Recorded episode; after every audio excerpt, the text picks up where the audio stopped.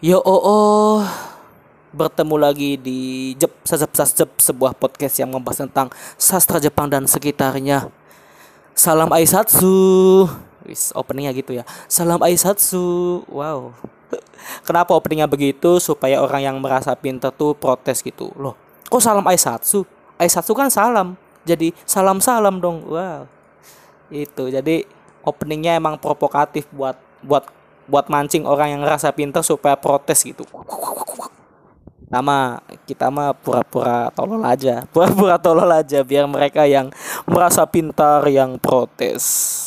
Oke jadi sebelum mulai ya saya akan membacakan dulu komentar yang udah masuk di YouTube. Soalnya di di di Spotify kayaknya nggak bisa komen ya.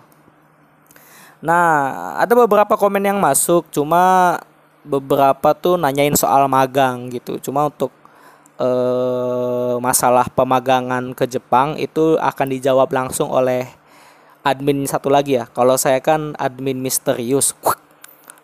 Admin misterius. uh, jadi kalau saya sih tugasnya yang bikin podcast dan beberapa konten yang lain.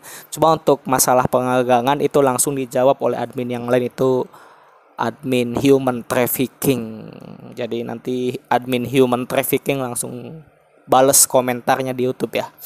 Jadi saya bacain aja komen yang lain. Ini ada yang komen dari Mas Lestop ya. Wow. Kembali gak ini harusnya toples enggak sih? Lestop. Min, manfaat di dunia kerja atau tips and trick buat kita mahasiswa untuk mempersiapkan diri di dunia pekerjaan dong. Hehe, mantap. Mantap, mantap.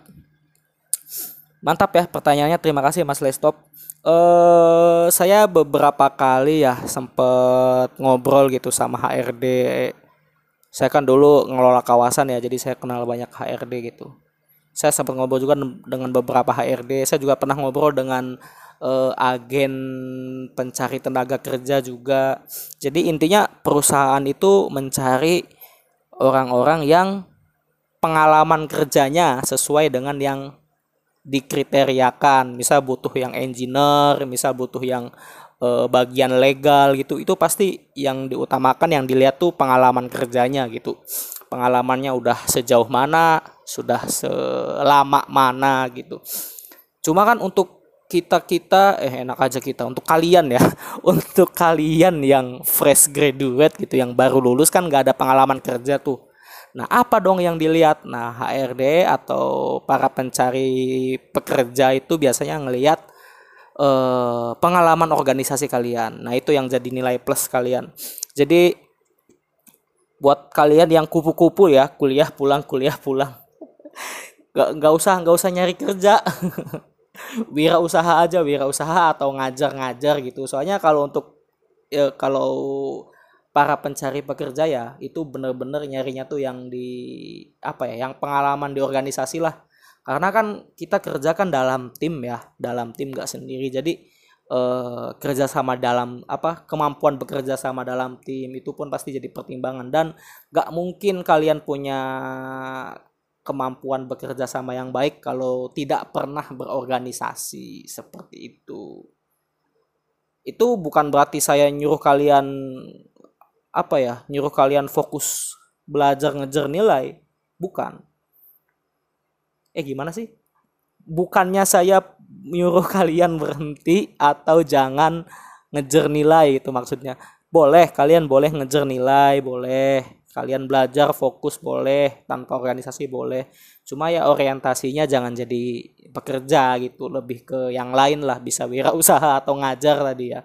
Soalnya untuk jadi budak korporat kalau kalian ingin jadi budak korporat seperti saya, perbanyaklah organisasi. Atau kalau nggak organisasi pun eh, apa ya pengalaman magang lah. Sempet sempetin selama kuliah tuh magang di perusahaan apa gitu. Seperti itu. Kenapa? Kenapa para HRD atau pencari pekerja itu tidak memandang nilai ya pegang omongan saya mereka tuh nggak akan mandang nilai gitu. Kenapa nggak mandang nilai? Karena nilai itu bisa diakalin. Zaman sekarang tuh nilai itu nggak bisa jadi patokan nilai itu bisa diakalin. Kita bisa nyontek kita bisa ngegaca untuk mendapat nilai yang bagus gitu. Jadi kalau ulangannya pilihan ganda kan kita asal asal buletin tuh. Lalu kebetulan betul jadi dapat nilai bagus kan. Atau mungkin ada di antara kalian yang sebelum ulangan pergi ke dukun untuk melihat kunci jawaban di masa depan. Jadi itu ya e, nilai itu lebih ke luck kalau menurut saya ya, keberuntungan menurut saya. Jadi nilai itu tidak tidak membuktikan apa-apa gitu. Bahkan ada satu quotes yang begitu tertanam dalam diri saya gitu ada suatu quotes kayak gini. Aduh, siapa yang bilang ya? Saya lupa ya. Tapi quotesnya kayak gini. Ijazah itu hanya membuktikan kamu telah sekolah, bukan kamu telah belajar. Seperti itu. Itu maksudnya nilai atau ijazah itu tidak membuktikan apa-apa selain kamu sudah sekolah. Bukan bukti kamu sudah belajar. Seperti itu. Bahkan di, di beberapa perusahaan ya, nggak mandang ijazah tahu. Langsung tes skillnya apa ditanya-tanya pengalamannya apa. Jadi intinya itu ya dua ya. Kalau nggak pengalaman kerja ya pengalaman organisasi seperti itu. Oke semoga jawabannya memuaskan. Terima kasih pertanyaannya Lestop ya tadi namanya Lestop ya. Terima kasih Lestop oke kita mau kita masuk ke pembahasan episode 2 ya. Jadi eh, kita ya kita saya dan kalian gitu. Ketika belajar bahasa Jepang itu ada suatu momen atau e, kondisi kita ngobrol sama orang Jepang. Baik itu secara langsung ataupun via chat atau telepon dan sebagainya. Kita pasti ada momen-momen ngobrol sama orang Jepang gitu. Dan sesepele apa pun bahasa Jepang kita orang Jepang tuh pasti bilang Nihongo ga jozu desu ne atau nggak pakai ga. Nihongo jozu desu ne. Waduh.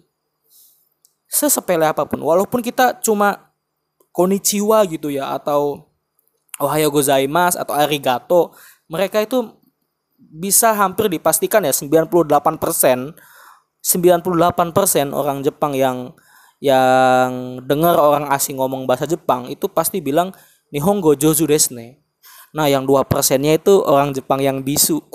Makanya nggak bisa bilang Nihongo Jozu desne. Jadi bisa di hampir bisa dipastikan ya.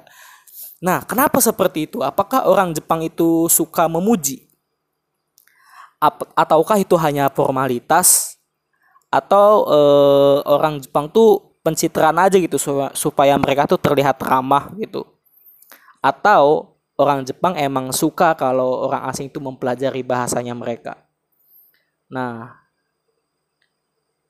dilatar belakangi oleh hal-hal tersebut, jadi episode 2 ini kita judulnya adalah How to deal with Nihongo Jozu Desne. Bagaimana cara mengatasi Nihongo Jozu Desne. Seperti itu. E, seperti biasa ya, saya setiap akan memulai podcast tuh selalu melempar pertanyaan di fanpage saya tercinta di mahasiswa sastra Jepang tentang terkait tema kali ini yaitu tentang bagaimana teman-teman menanggapi apabila orang Jepang bilang Nihongo Jozu desne apabila bahasa Jepang kita dipuji. Saya akan membaca beberapa komentar yang nyambung ya, soalnya banyak komentar yang gak nyambung ada yang jawab iye sona kotonai. Oh maksudnya menyangkal gitu. Oh enggak saya enggak sepandai itu. Ada yang menjawab seperti itu. Ada juga iye madaheta des jadi dia merasa bahasa Jepangnya belum cukup dia jawab mm, belum belum saya belum sepandai itu. Sama sama yang tadi ya. Terus ada juga yang arigato gozaimasu. Juga ada yang berterima kasih ketika dipuji seperti itu. Hmm, terus ada yang anjir jawabnya pakai bahasa Inggris. There is actually a definitive moment. This is when Japanese people stop saying your Japanese is so good atau Nihongo joju desu and start asking have you been in Japan a long time? At this rate, congratulations, you can speak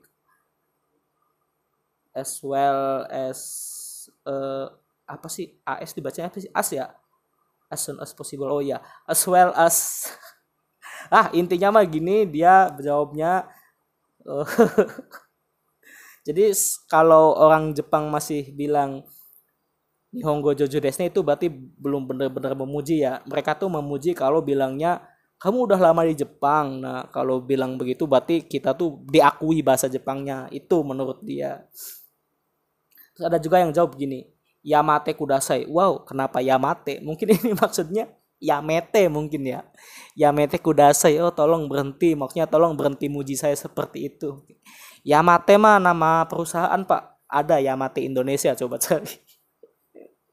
Lalu ada lagi terakhir ya, Jozu Jozu eksplisit. Oh, eksplisit tuh belak-belakan ya, terang-terangan ya. Mungkin implisit maksudnya, Jozu Jozu implisit. Jadi dia nggak percaya kalau orang Jepang bilang dia Jozu itu. Oke, itu ya. Jadi jawaban teman-teman ya. Kalau dibilang Nihongo ga Jozu desu Kalau saya pribadi ya ketika orang Jepang dulu kan di kampus saya tuh sempat kedatangan native Jepang ya anak muda juga seumuran gitu jadi eh, kayak program apa gitu jadi dia tuh kayak volunteer gitu di beberapa negara selama satu tahun nah dia milihnya di Indonesia lalu ke kampus saya gitu nah dia pun sama dia pun sama ketika pertama ketemu saya saya ngobrol pakai bahasa Jepang dia bilang Nihongo ga jozu desne. Cuma waktu itu saya bilang homete mo nang mo denaizo. Homete mo nani mo denaizo. Jadi kamu muji saya pun saya nggak akan ngasih apa-apa. Saya bilang begitu mereka ketawa gitu. Mereka ketawa dan justru dari situ saya jadi akrab sama orangnya gitu. Jadi menurut saya ya kalau kalian dibilang Nihongo ga jozu desne, itu kan e, suatu pernyataan yang template ya. Kalau kalian jawab dengan template juga, kalian jawab dengan iye mada mada des itu kan template juga tuh. Dipuji merendah atau sekedar berterima kasih, dipuji berterima kasih itu kan template juga tuh. Daripada kalian menjawab seperti itu, saran saya sih jawab aja yang unik. Supaya apa? Supaya menimbulkan kesan berbeda dan jadi ada ketertarikan kepada kalian gitu kalau kalian ingin berteman dengan Jepangnya tersebut ya. Tapi kalau kalau kalian gak minat ya udah template template aja. Kalian balas template aja. Tapi kalau kalian pengen eh, berteman, pengen hubungan kalian lebih jauh ya jawablah seunik mungkin kalau menurut saya sih. Seperti itu. Nah, pertanyaan-pertanyaan di awal tadi ya, apakah orang Jepang itu suka memuji? apakah orang Jepang itu suka memuji? Jawabannya ya, orang Jepang tuh emang suka memuji sih. Kalian kasih makanan apa pun ya, kalian kasih makanan nasi putih aja dah, pasti mereka tuh bilangnya, hmm, oishi gitu. Gak pernah mereka makan masakan terus, hmm, futsu, tidak, pasti bilangnya oishi. Orang Jepang tuh emang emang suka banget muji gitu. Bahkan nih ya, bahkan kita dapat pujian pun dipuji sama orang Jepang. Jadi pernah kejadian ya dulu saya kan magang di Jepang tuh. Ya namanya anak magang masih muda semangat kan kerjanya. Nah manajer ternyata lagi keliling pabrik gitu ngelihat saya terus dia muji wah Utam kerjanya semangat ya bagus ya seperti itu.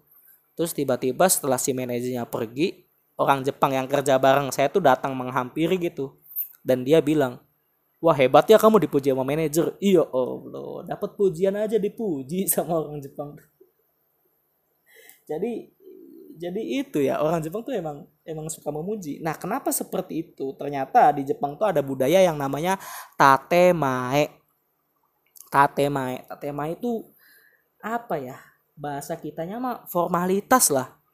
Tatema itu formalitas. Pengertiannya itu gini tatema itu adalah eh, suatu sikap sosial ya, suatu sikap sosial yang dilakukan yang ditampakkan eh, maaf, suatu sikap sosial yang ditampakkan di muka umum yang berbeda dengan perasaan mereka yang sebenarnya gitu. Jadi ketika dia eh, ngelihat kita bisa bahasa Jepang sedikit, dia sih nggak mikir kita beneran pinter gitu, cuma dia itu dalam rangka menghormati, dalam rangka menampakkan wajah di depan umum dia itu bilangnya Nihongo Jozu Desne.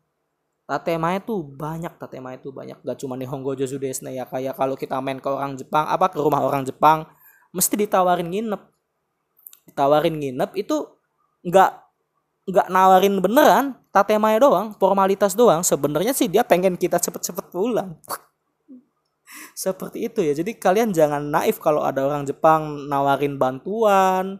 Misalnya nih kalian pindahan bisa ya kalau kalian ke Jepang ya kalian pindahan apartemen gitu pindahan kontrakan. Terus ada orang Jepang bilang kalau butuh bantuan panggil saya aja ya. Teman kalian ya teman Jepang kalian yang nggak terlalu akrab bilang begitu.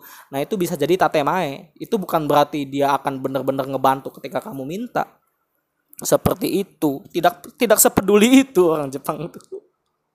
Tapi kalau udah temen akrab nah itu beneran biasanya kalau udah temen akrab ya nah lawannya lawannya tatema itu namanya hone hone itu perasaan sebenarnya yang tidak ditampakkan di muka umum. Nah, jadi si Hone ini biasanya ditampilin ke eh, teman-teman sekitarnya aja, teman-teman terdekat seperti itu. Nah, apakah ini termasuk eh, kemunafikan? Mungkin timbul pertanyaan seperti itu ya di benak teman-teman. Apakah tatema ini termasuk kemunafikan? Menurut saya sih enggak.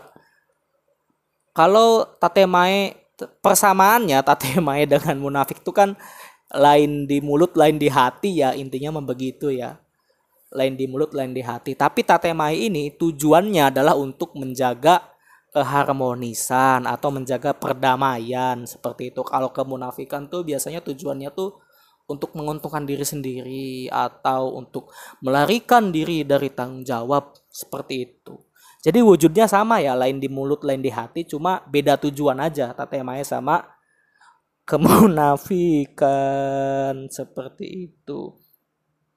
Dan saya juga sempat uh, baca ya, udah lama saya sempat baca juga sebuah artikel yang menunjukkan kalau di Jepang tuh ada keyakinan bahwa setiap manusia tuh memiliki tiga wajah gitu. Jadi manusia tuh punya tiga wajah. Wajah pertama tuh wajah yang diperlihatkan ke semua orang. Wajah kedua adalah wajah yang hanya diperlihat hanya diperlihatkan kepada keluarga dan teman terdekat. Dan wajah ketiga tuh wajah yang tidak pernah diperlihatkan ke siapa pun. Dan wajah manusia yang sebenarnya adalah wajah yang nomor tiga. Katanya begitu. Jadi kalau ada teman-teman bilang, ah muka dua lu. Wah berarti dia kurang baca buku.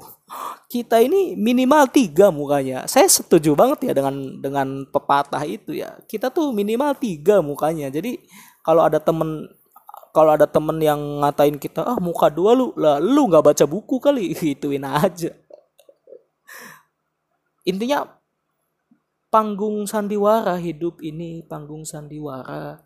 Jadi wajar-wajar aja kita punya banyak wajah gitu. Dengan satu catatan ya jangan untuk kepentingan pribadi apalagi untuk melarikan diri dari tanggung jawab. Seperti itu. Untuk menipu orang lain tidak boleh tidak boleh. Nah lalu pertanyaan berikutnya ya. Apakah orang Jepang tuh melakukan tatemae untuk pencitraan agar dirinya terlihat baik? Bisa jadi sih menurut saya sih apalagi dalam hubungan bisnis ya tatema itu pasti dilakukan. Karena eh, saya beberapa kali lihat perusahaan Jepang juga rata-rata gitu sih. Walaupun nggak suka ya sama orang ya tapi ketika ya namanya bisnis ya ketika bisnis mah ketika ketemu mah wah kayak yang akrab banget gini gini gini. Aslinya mah nggak gitu. Di belakang mah ngomongin juga jelek-jelekin juga gitu. Bisa lah tatema itu bisa bisa bisa juga dibuat untuk pencitraan gitu. Dan ngomong-ngomong soal pencitraan, saya juga ada cerita nih tentang kohai saya nih, bangsat emang. E, jadi dia itu hobinya ngeserin orang Jepang yang ngajarin bahasa Jepang pakai bahasa Indonesia. Jadi di di Instagram nih ada orang Jepang yang dia bisa bahasa Indonesia, terus dia ngajarin bahasa Jepang gitu, kayak bikin materi bahasa Jepang gitu nah si Kohai saya nih hobi banget ngeserin ngeserin konten-konten si Jepang itu. Enggak maksudku gini maksudku gini. Aku kan di kampus sebagai senpai yang baik bikin band kyokai ya di kampus ya bikin band kyokai. Ada yang datang beberapa beberapa kohai ku datang band kyokai. Tapi tidak termasuk si kohai ini si kohai yang ngeser-ngeser materi Jepang di Instagram ini. Maksudku gini maksudku aku itu kan untuk band kyokai itu nyiapin materi nyiapin soal nyiapin uh, delivery ya. Maksudnya aku latihan gitu latihan latihan menyampaikan materi nih agar mudah tersampaikan. Itu kan perlu latihan juga gitu latihan deliverynya. Kalah dengan orang Jepang yang hanya mengajari ini ini ini bahasa Jepangnya ini ini ini. Bahasa Indonesia-nya ini bahasa Jepangnya ini. Kayak kamus ngomong aja gitu. Kalah dengan kamus ngomong astagfirullahaladzim. Jadi miris liatnya gitu. Maksudku ya pencitraan banget. Maksudku gini boleh kita boleh pencitraan. Cuma jangan sampai pencitraan kita itu beda jauh dengan kenyataan gitu. Ya sama saya juga ini pencitraan. Bikin podcast bikin konten mencitrakan saya orang yang produktif gitu. Mencitrakan saya orang yang uh, bisa ngajarin bahasa Jepang tahu banyak tentang Jepang seperti itu. Cuma kan kenyataannya ya nggak jauh beda gitu. Emang saya pernah ke Jepang juga emang saya suka ngajar juga emang saya suka berkonten juga gitu. Ini di dunia nyatanya malas di dunia nyatanya Ben Kyokai pun tidak pernah ikut. Tapi ketika ada orang Jepang ngajarin bahasa Jepang di Instagram. Langsung dengan semangatnya nge-share hey anda barangkali kalian punya temen yang kayak gitu juga ya. Bilangin aja gak usah banyak tate mae lu. Pencitraan lu ngeser ngeser ngeser ngeser materi Jepangnya tate mae lu mah gitu. Seperti itu. Jadi buat kalian ya uh, yang masih di kampusnya yang senpainya bikin band kyokai datanglah demi kalian sendiri. Percaya sama saya senpai itu lebih enak ngajarinya daripada sensei. Percaya sama saya. Karena senpai itu ngajarin tuh ikhlas. Kalau senpai yang ngajar tuh ikhlas mereka tuh nggak dibayar mereka tuh nggak nggak terpaksa mereka tuh ikhlas aja gitu ngajar. Dan yang ikhlas gitu biasanya lebih enak aja gitu kalau sensei kan karena kewajiban ya karena mereka digaji karena karena mereka udah ah, takut kesinggung ter intinya mah biasanya nggak selalu biasanya belajar sama senpai lebih enak. Seperti itu. Nah terkait hone juga ya hone kan tadi eh, perasaan yang sesungguhnya yang tidak ditampakkan ke muka umum. Jadi emang orang Jepang tuh saya juga sempat diajarin sama sensei saya. Sensei saya dulu pernah bilang kalau eh, di Jepang tuh ada sistem naka uchi sama soto uchi. Bukan nakadashi ya kalian. Naka uchi sama soto uchi. Jadi naka uchi itu ibaratnya mah satu atap lah orang yang di dalam atap gitu orang yang di dalam sebuah ruangan maksudnya orang-orang yang di circle-nya dia itu orang Jepang sangat terbuka sangat membantu sangat suportif tapi ketika soto uci ketika dia nggak kenal ketika dia nggak terlalu dekat itu biasanya nggak peduli sama sekali. Gitu biasanya ya biasanya yang diajarkan ke saya seperti itu yang saya yang saya dengar ya. Cuma ya itu relate aja gitu. Jadi uh, saya pun waktu di Jepang kan begitu. Kalau yang akrab mah sering ajak liburan sering uh, berkunjung juga kalau yang deket. Kalau yang gak deket buru-buru. Kita sakit pun dia tidak mau tahu. Seperti itu. Nah terkait hal tersebut saya pun pernah mendengar sebuah teori ya. Dan saya sangat setuju dengan teori ini terkait Hone ya. Saya sangat setuju. Teorinya tuh seperti ini. Keakraban itu berbanding terbalik dengan kesopanan. Jadi ketika kita semakin akrab dengan teman kita, kesopanan akan semakin hilang. Ya, saya senang sih, saya senang kalau ada kohai kalau ada kohai saya yang mulai ke saya tuh berani body shaming gitu. Saya saya justru malah seneng. Entah entah saya masokis atau emang karena teori tersebut ya. Karena ya gimana ya seneng aja menurut saya ketika orang menunjukkan kekurangannya ya tidak sopan kan kekurangan maksudnya orang yang suka ngegas gitu kan. Ketika orang menunjukkan kekurangannya menurut saya tuh itu berarti dia percaya kita akan menerima kekurangannya gitu. Jadi kalau kalian ngelihat teman kalian menunjukkan sifat buruknya nah itu berarti dia percaya kalian akan menerima dia gitu. Jangan jangan ketika wah si ini bangsat nih udah ketahuan bangsatnya jangan ditemenin. Jangan. Justru ketika kita tahu bangsatnya teman kita di situlah circle terbentuk gitu. Maksudku gitu. Nah terkait hal tersebut ya. Jadi teori yang tadi saya bilang tuh menurut saya sih pas banget. Jadi emang eh, apa tadi? Keakraban itu berbanding terbalik dengan kesopanan gitu. Semakin akrab semakin semakin semakin ngegas bahasanya. Dan ada cerita juga ya terkait ngegas-ngegas ini ya. Jadi kan saya emang termasuk kalau sudah akrab tuh saya termasuk orang yang wow anjing bangsat itu akan terucap sehari-hari itu kepada teman saya yang sangat akrab gitu. Suatu hari ada yang ngedenger itu dan protes gitu dia bilang ke saya tam kamu jangan banyak ngomong kasar lah. Nggak baik buat masa depan kamu katanya. Wow. Maksudku maksudku apa hubungannya gitu? Apa hubungannya apa hubungannya masa depan sama ngomong kasar gitu kan? Saya bilang sama dia apa hubungannya masa depan dengan omongan kasar? Lihat artis barat mereka ngomong fuck you ngomong jam ngomong hal-hal kasar yang lainnya beats apa tapi mereka sukses-sukses aja. Masa depan mereka baik-baik aja. Terus dia jawab gitu ya itu kan mereka acting. Saya jawab lagi ya emangnya kamu sopan santun nggak acting? Emangnya kita semua sopan santun itu tidak acting? Sama aja kita juga acting hidup ini panggung sandiwara.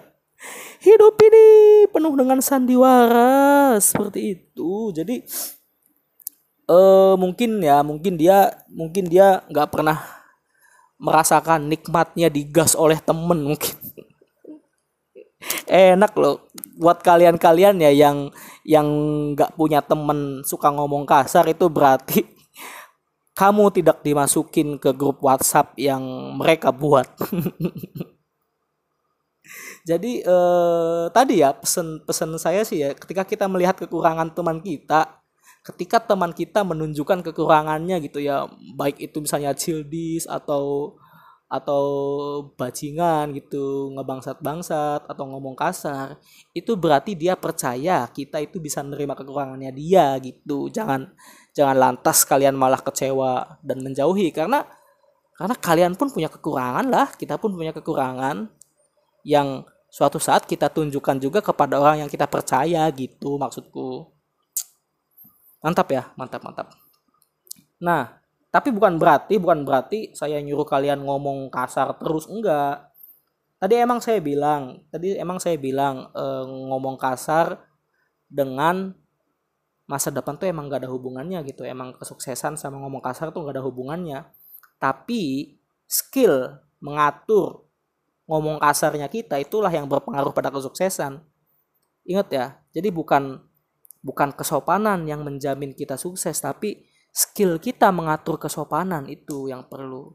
Maksudnya apa? Maksudnya kita nggak perlu sopan setiap saat. Yang penting tuh kita tahu waktu yang tepat aja gitu. Ketika lagi kerja ya saya pun lagi kerja mah sopan. Atau nggak mungkin saya lagi kerja. Yang lain ke HRD selamat pagi. Saya halo bangsat. Tidak mungkin begitu dong. Saya pun kalau lagi kerja mah sopan. Percaya dah percaya saya pun lagi kerja mas sopan. Jadi inget ya bukan eh, bukan kesopanan yang menjamin masa depan kita bukan kesopanan yang berpengaruh kepada masa depan kita tapi skill kita mengatur kesopanan itulah yang akan berpengaruh seperti itu. Mantap ya? Jadi pembahasan kali ini itu awalnya nih Honggo Jozudesne terus ke Tatemae lumayan panjang juga. E, terus setelah ini ya setelah ini akan ada percakapan saya dengan orang Jepang langsung yaitu Nakamura Shinya namanya. Percakapan dengan dia langsung membahas Tatemae juga. Jadi supaya kredibel gitu supaya kalian percaya jadi saya ngobrol langsung dengan orang Jepang gitu. Nanti di setelah ini mungkin sekitar 20 menit saya ngobrol sama dia. Saya nggak akan masang subtitle ya karena ini kan buat di Spotify juga. Buat di YouTube juga. Jadi kalau di YouTube tuh cuma gambar sama suara gitu nggak ada video. Jadi saya nggak akan masang subtitle makanya di percakapan saya sama sinya tuh jadi saya ngomong pakai bahasa Jepang dia jawab saya terjemahin. Seperti itu ya. Jadi saya terjemahin pertanyaan saya dan jawabannya dia pun saya terjemahin. Intinya mah dua bahasa lah nanti ya karena saya males ngasih subtitle juga sih cuma kalau di Spotify nggak bisa subtitle jadi ini satu satu konten dua dua platform jadi itu ya jadi silahkan didengarkan percakapan saya dengan Sinya tersebut Oke, mungkin itu saja untuk episode 2 kali ini. Jadi closingnya di sini ya. Nanti setelah setelah obrolan saya sama Sinya nggak ada closing. Jadi uh, terima kasih ya buat teman-teman yang sudah mendengarkan sampai sini. Terima kasih juga buat teman-teman yang sudah menyemangati via komen atau via inbox ya. Ada juga yang inbox nyemangatin saya. Sensei, udah manggil sensei lagi. Podcastnya bagus, ditunggu episode 2-nya. Wah, itu mood buster sekali itu. Jadi terima kasih buat kalian-kalian yang mendukung dengan cara mendengarkan atau uh, ngasih semangat juga. Dan jangan lupa meninggalkan komentar. Like mah nggak usah dah, nggak butuh nggak butuh like saya di podcast saya mah. Butuhnya komen buat buat pembahasan episode-episode selanjutnya soalnya saya butuh komentarnya. Uh, seperti itu. Oke, kalau begitu cukup sekian episode 2 ini. Jangan ke mana-mana, tetap di Jep Sasep Sasjep, sebuah podcast yang membahas tentang sastra Jepang dan sekitarnya. Salam Aisatsu, bye-bye.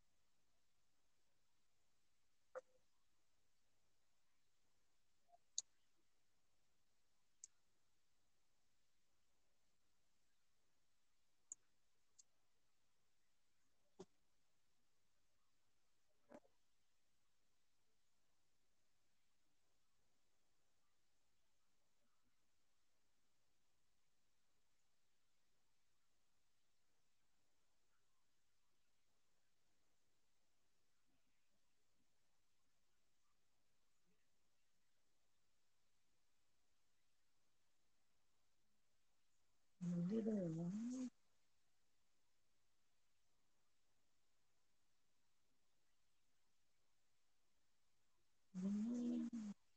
Udah,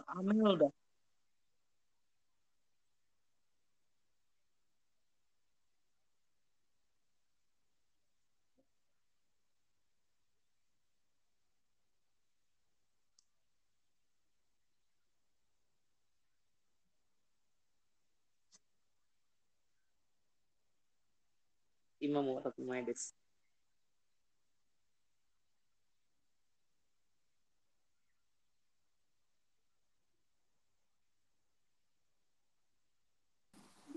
Oh.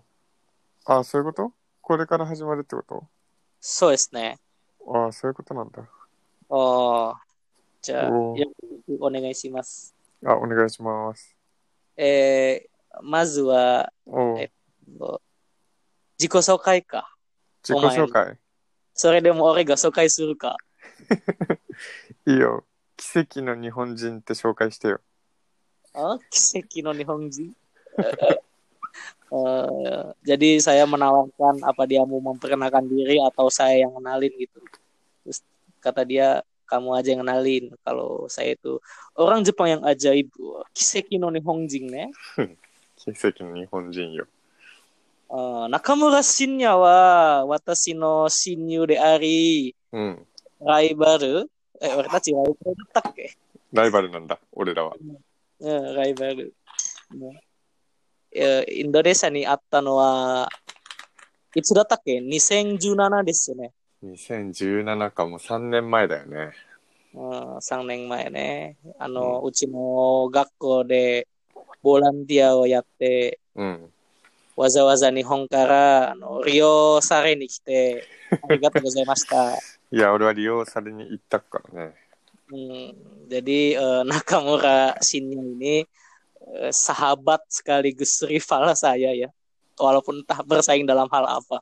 Eh, sahabat yang baik kan sekaligus rival juga. Kita ketemu di Indonesia pertama kali. Dia datang ke Indonesia ke sini di 2017 ya, sekitar tiga tahun yang lalu. Dia itu sebagai volunteer di eh, kampus kami. Jadi dia datang untuk dimanfaatkan dan dia pun berdamai dengan hal itu. Dia pun tahu kalau dia pergi ke Indonesia itu untuk dimanfaatkan. Sasuga. Eto, 今はもう社会人ですよね。仕いや、もう事をしてる社会人ですよ。うん、仕事してますよ。いつからだったっけえっ、とね、去年 からだから、去年の4月からだから、もうに今2年目になるね。Oh, Nineng Meka. Jadi Hmm. dia sekarang sudah kerja ya. Udah mulai kerja dari tahun kemarin bulan April. Jadi sekarang sudah masuk tahun kedua. Q, Kyuryo wa ikura desu ka? 給料ですか給料は、えっと、じゃあ、インドネシアのお金だとどれぐらいかな So, Hmm. Ma, eng de iyo. Ore ga, ano, Indonesia no okane de. Iyo kara. 大体ね、今はね、月どれぐらいかな ?25 万ぐらいじゃない？Ano, 1ヶ月で。うん、1ヶ月。うん。さすがね。うん。あれはね、インドネシアだったらマネージャーぐらいだよ。マネージャーの給料ぐらいで、香港。まあ。なあ、ほんと。え、チルボンだったら？いや、チルボンは、チルボンはダメ。給料小さすぎ、チルボンは。チルボンの1年間。 Jadi ini karena sudah teman yang sangat dekat ya, saya gak pernah segan nanya apapun. Tadi pun saya nanya gaji ke dia, gajinya berapa. Terus dia bilang katanya 250 ribu yen atau kalau di Indonesiain sekitar 30 juta lah sebulan. Terus dia nanya, kalau di Cirebon, eh saya kan bilang itu kalau di sini gaji manajer itu segitu selevel manajer. Terus dia nanya lagi kalau di Cirebon gaji level apa? Ya nggak tahu Cirebon mah di MR juga kecil. Sisa ya Cirebon mana ya? Ano ya? minimum minimum curio ga ima wane iteng hachi kana iteng hachi. Ichimang haseng gurai. Kana niteng ichi teng hachi kawa sore takedo. Mataka tuh mau niteng ichi da 忘れたけど、まあ高くてもに2.1だよ。UMR Cirebon berapa sekarang ya? Antara 1,8 atau 2,1 gitu. Tapi mahal-mahalnya 2,1 paling UMR Cirebon. でもさ、あの、俺がさ、インドネシアいた時はさ、1ヶ月の給料さ、リマタ、リマラツリブだったんだけど。 Gila yo. Pokoknya. Jadi dia waktu datang ke Indonesia di sini ya, ya namanya volunteer. Volunteer ada karane, si goto suruh wake janai karane. Dia gajinya 500 ribu mengeluhkan hal itu. Kan dia datang sebagai volunteer ya. Demo, demo sumu baso to ka, cang to yoi shite ageru kara, うん。文句はないでしょ。それまあねでも、それでも文句あるまあ別にお金持ってたし、 Eh, Eh, jadi saya bilang kan dikasih tempat tinggal juga di sini. Apa masih mau mempermasalahkan? Terus kata dia, ah oh, enggak juga lah, saya bawa uang, bawa uang banyak juga dari Jepang katanya. Nah, Ma, ima no hombang nih, hombang no hanasine. Hmm. Hombang no hanasine. Hombang no hanasine. Hmm, jadi kita masuk ke inti yang ingin dibicarakan ya.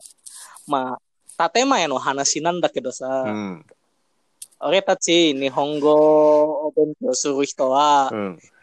日本人に会ったら、なんか、すっごく下手な日本語言っても、日本人は慰めてくれて、日本語上手ですねって、あれは建前ですかいや、あのね、まあ建前、建前だけど、でも、ほら、建前って言ってもさ、建前と嘘は違うからさ、はい。うん。俺的にはね。うん。kita kan tuh kadang kalau ketemu orang Jepang tuh ngomong bahasa Jepang tapi walaupun ngomong bahasa Jepang yang sepayah apapun pasti orang Jepang tuh memuji kita gitu dengan Nihongo Jozu desu ne atau hebat ya kamu Nihongonya apakah itu tatemae ya saya bilang apakah itu tatemae menurut dia iya tatemae sih tapi tatemae dengan uso itu berbeda katanya tatemae dengan bohong itu beda do do do do 俺 you 嘘はなんか自分が自分を守るためというかなんていうのうん自分を守るために使っ使うけどいや俺じゃないよとかなんかなんつうの俺は悪くないみたいな時になんか使ったりするけど、うんなんか建前は、その、まあ、相手に嫌な思いをさせないようにするみたいな。 eh, うん。 Eh, jadi menurut dia beda ya, bukan orang Jepang itu bukan bohong. Ini mus- maksudnya mungkin arahnya ke, ke munafik ya. Kadang kan Fatema itu mirip dengan kemunafikan ya, tapi menurut Cina juga sama sepemikiran sama saya. Jadi kalau munafik atau bohong itu kan untuk keuntungan pribadi, untuk eh, apa namanya melindungi diri lah semacam itu. Sedangkan tatema itu demi menjaga perasaan lawan bicara. hmm. Mm, so apa yang Ja, ano, omae no totte wa tatema wa nan. Tatema ne. Ano, suru beki koto toka, 本当はしない、したくないことけど、うんするとか、うん jadi saya nanya ke dia, tatema itu apa pendapatnya? Apakah hal yang harus dilakukan atau apakah hal yang sebenarnya dia nggak mau lakukan tapi dia lakukan gitu? Do. まあでも、なんだろう。建前だったらさ、そのまあ、相手を嫌な思いさせないだったらさ、なんかその、なんていうの。仮に、その、相手が、 それを信じてたら、それはそれでいいじゃん。その、嬉しいって思うから、相手が。おーでも、まあ、じゃあ逆にその、いや、こいつ絶対嘘だろって思っても、でもなんかこう、ストレートにさ、いや、あなたの、例えば、いや、あなたの日本語は下手ですって、いきなりね、これはなんか、多分、その、うんうんあんまり、なんだろう、相手を知らない状態？の時に、いきなり、うんね、あなたの、例えばさっき言ってたみたいな、あなたの日本語は、いや、下手ですっていうのは、ちょっとこう、コミュニケーションとして、うんなんか、なんだろうね。喧嘩になりそうじゃない？喧嘩になるだ からコミュニケーションツールの一つかな、建前って。うん。Ah, bisa. Jadi menurut dia uh, intinya KTMA itu dilakukan untuk menjaga perasaan lawan bicara. Karena kalau kita dari awal sudah menunjukkan hone honne da yo na, mm. No jaku jaku to hantai oh. wa ne. Hantai. Ketika dia menunjukkan perasaan yang sebenarnya atau berkata dengan straight gitu dengan lurus misalnya tadi yang maksudnya sama Nihongo heta desne kamu bahasa Jepangnya jelek ya itu kan bisa melukai lawan bicara atau bisa menimbulkan pertengkaran nantinya ya. So, desu ne Hmm. 俺もそう思うんだけどうん。じゃあ次ねあとうん。どういう時に建前をしない建前をしないか。まあだから、言ってしまえば、えーっと、まあ、うん。一つは、その、まあ、相手とも仲いい状態になって、お互いを知ってるから、うん。その、ストレートうに、ん。まあ、例えばそれ冗談でもストレートに、なんか、例えば、お前、あなたの日本語が下手ですねって、こう、ふざけて言うのもそうだし、なんかまあ、うん。普通に仲良ければ、相手のことを、いや、それは間違ってるとかさ、言えるけど、うん。うん。でも、なんだっけ？え、な、何の話だっけ？建前を使わないだっけ？なんだっけ？何の話だっけ？どういう時にどうどういう時にあそうだよね。建前使わない。だからその、まあ一つはその、今言った仲良くなった状態の時と、あとは、うんだから喧嘩する時じゃない相手が嫌いな時。そうだよなうん。そうだよな。喧嘩するときは建前使わないよな。Hmm, Jadi saya bertanya eh, pada pada kondisi seperti apa tatemai tidak digunakan gitu ya. Jawabannya dia itu yang pertama ketika bersama orang yang cukup akrab gitu. Misalnya orang yang saling memahami sifat masing-masing. Itu kalau bercanda ya ya lepas aja bisa sampai ngata-ngatain misalnya ya kayak tadi Nihongo Heta ini misalnya atau ngatain musik juga bisa bisa kayak kita. Terus eh, yang kedua ketika berantem katanya karena nggak mungkin ketika berantem pakai tatemae. ketika kita tidak suka dengan lawan bicara tidak mungkin pakai tatemae. Dia mau nanya, Hmm. aite ga aite ga kirai うん。だけど、仕事の時は建前使うでしょ嫌いだけど、嫌い、うん。さっきは言ったでしょ、うん嫌い嫌いな相手にはうん建前使わない。でも嫌いでも仕事の時はうん。使うでしょ？そうだね。仕事の時はね。仕事の時は そ、でも相手と喧嘩をすることが目的じゃないからさ。うん。そうだよね。はいはいはいだからビジネスとかなんかそういうのは、その人と喧嘩するというよりかは、もう仕事を成功するためにするから、やっぱり、建前は使うよね。うん。それな答え方上手だな。今も建前ありがとうございます。信じます。Wah, wah, wah. jadi, jadi saya jadi saya ini apa namanya nanya walaupun kita nggak suka dengan lawan bicara kita tapi kalau dalam bekerja gimana Terus kalau kata dia ya kalau kalau kalau waktu bekerja kan tujuannya bukan berantem bukan kengka gitu tapi eh, mensukseskan suatu project atau kerjaan terus ya saya setuju sih saya suka dengan jawaban dia terus saya bilang kamu pandai ya dalam menjawab tapi ini tatemae saya bilang gitu dia berterima kasih dan percaya uh. うん、うん。So, 最後ね三つ目。三つ三つ三つも三つ目最後ね最後最後であー知ったばかりの人がうん。お前に建前を使わなかったらお前はどう思いますか？ああ、そうだね。建前を使わなかったら。例えばねうん。あの、初めて会った時だけど、おい、バカそうな日本人とか。お前はどうですか Cuk, Tadi saya bertanya ya, ketika ada orang baru nih yang baru ketemu dia tapi gak pakai tatemae itu gimana? Misalnya baru ketemu terus bilang, "Woi, orang Jepang yang kelihatannya えー bodoh どう gitu." かね。そうだどうでね。すかそう言われて。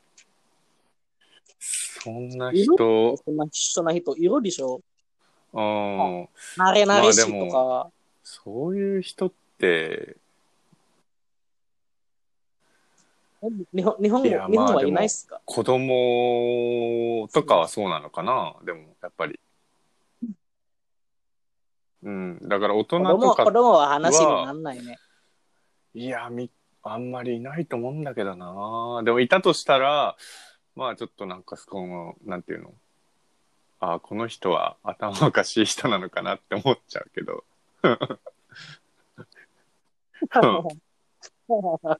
そうだよな。Hmm. Jadi eh, dia nggak nggak jarang ya, bahkan mungkin belum pernah ketemu orang yang kayak gitu. Kalau waktu anak-anak sih enggak, cuma kalau bilang ya kalau anak-anak mah nggak jadi obrolan, nggak akan jadi cerita, nggak akan jadi jawaban gitu.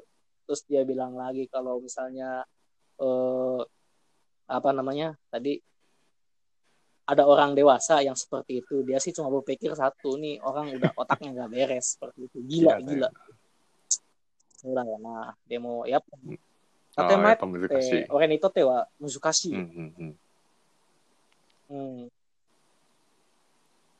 なんか 目的は何かなんか伝わらない。まあ捨てる、うん。捨てる捨てる建前は全然いいけど例えば、うんうんうん。さっきみたいな日本語が上手ですねとか。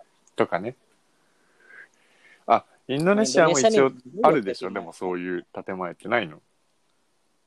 うん。あるあるある。まあ、例えば、あの、どこ、どっかに出かけたら、そうだよねどこ行くんですかだって、それも建あ前のれでしょ別一つだよに、どこ行きたいとか、知りたいわけじゃないでしょ。Hmm, うん。 so, cerita Aisatsu dake mitayana. Hmm, jadi eh, sa- bagi saya kan tatema itu hal yang sulit yang cuma ya di Indonesia juga ada sih hal-hal semacam tatema seperti misalnya kita lagi jalan terus disapa gitu kan mau kemana Kan sebenarnya bukan bukan dia pengen Da からさ、tahu kita なんか mau さ、そ kemana の、難しいよね。その日本、外国語というか、まあ、外、まあ、俺で言ったらさ、その、俺はそのインドネシアに行った時に、その、まあ、くまなって言われて、いや、いや、なん、なんで俺が行きたいとこ知りてえんだよって、俺も思ったからさ、やっぱその、お互い、Hmm. そう、言葉だけを信じちゃうよね。なんか最初って。ね。 Hmm. Jadi dia pun waktu berat di Indonesia agak-agak kesulitan ya di awal-awal karena kita ditanya mau kemana di dalam otaknya dia tuh "Lah, kenapa lu pengen tahu gua mau kemana gitu padahal enggak gitu padahal cuma menyapa saja jadi terkait bahasa ya emang sangat erat dengan budaya sih jadi dia pun sempat kesulitan awal-awal menyesuaikan dengan budaya di だから Indonesia. あれだよねそれ知らないとね、はいその後ろのねこ後ろの意味さ知らないとなんかねそうだな。だから、建前に対策うんそうだは、やっぱ文化の勉強か。Jadi penanggulangan untuk tatemae ini pelajaran budaya ya, harus mempelajari budaya kita. うんいえいえいえこちらこそ Arigato gozaimashita. Hmm, うん gozaimashita. Tabung ne, ano, mata, mata, koi koto, やらせあいいですよてもいいですかあどうぞどうぞあうんじゃあ、やらせていただきます。日本語上手です お今は建前じゃないでしょこれもやっぱ純粋だからえ本音本音 N に持ってるし、うん。 oh honne da na Imawa. Jadi saya berterima kasih sama dia sudah membantu dalam podcast ini dan mungkin nanti kedepannya pun saya akan menggunakan dia lagi. Dan tadi saya menggunakan bahasa yang sedikit agak sangat sopan ya. Terus dia bilang, Nihongo Jozu desu Tapi saya bilang, itu bukan tatemae kan? Bukan dong. Ini ini perasaan yang sesungguhnya karena saya sudah jago bahasa Jepang sudah jago N2 juga sudah punya. Iya, yeah, iya, yeah, arigatou gozaimasu. Ya. Arigatou gozaimashita. Hai, oyashimasu.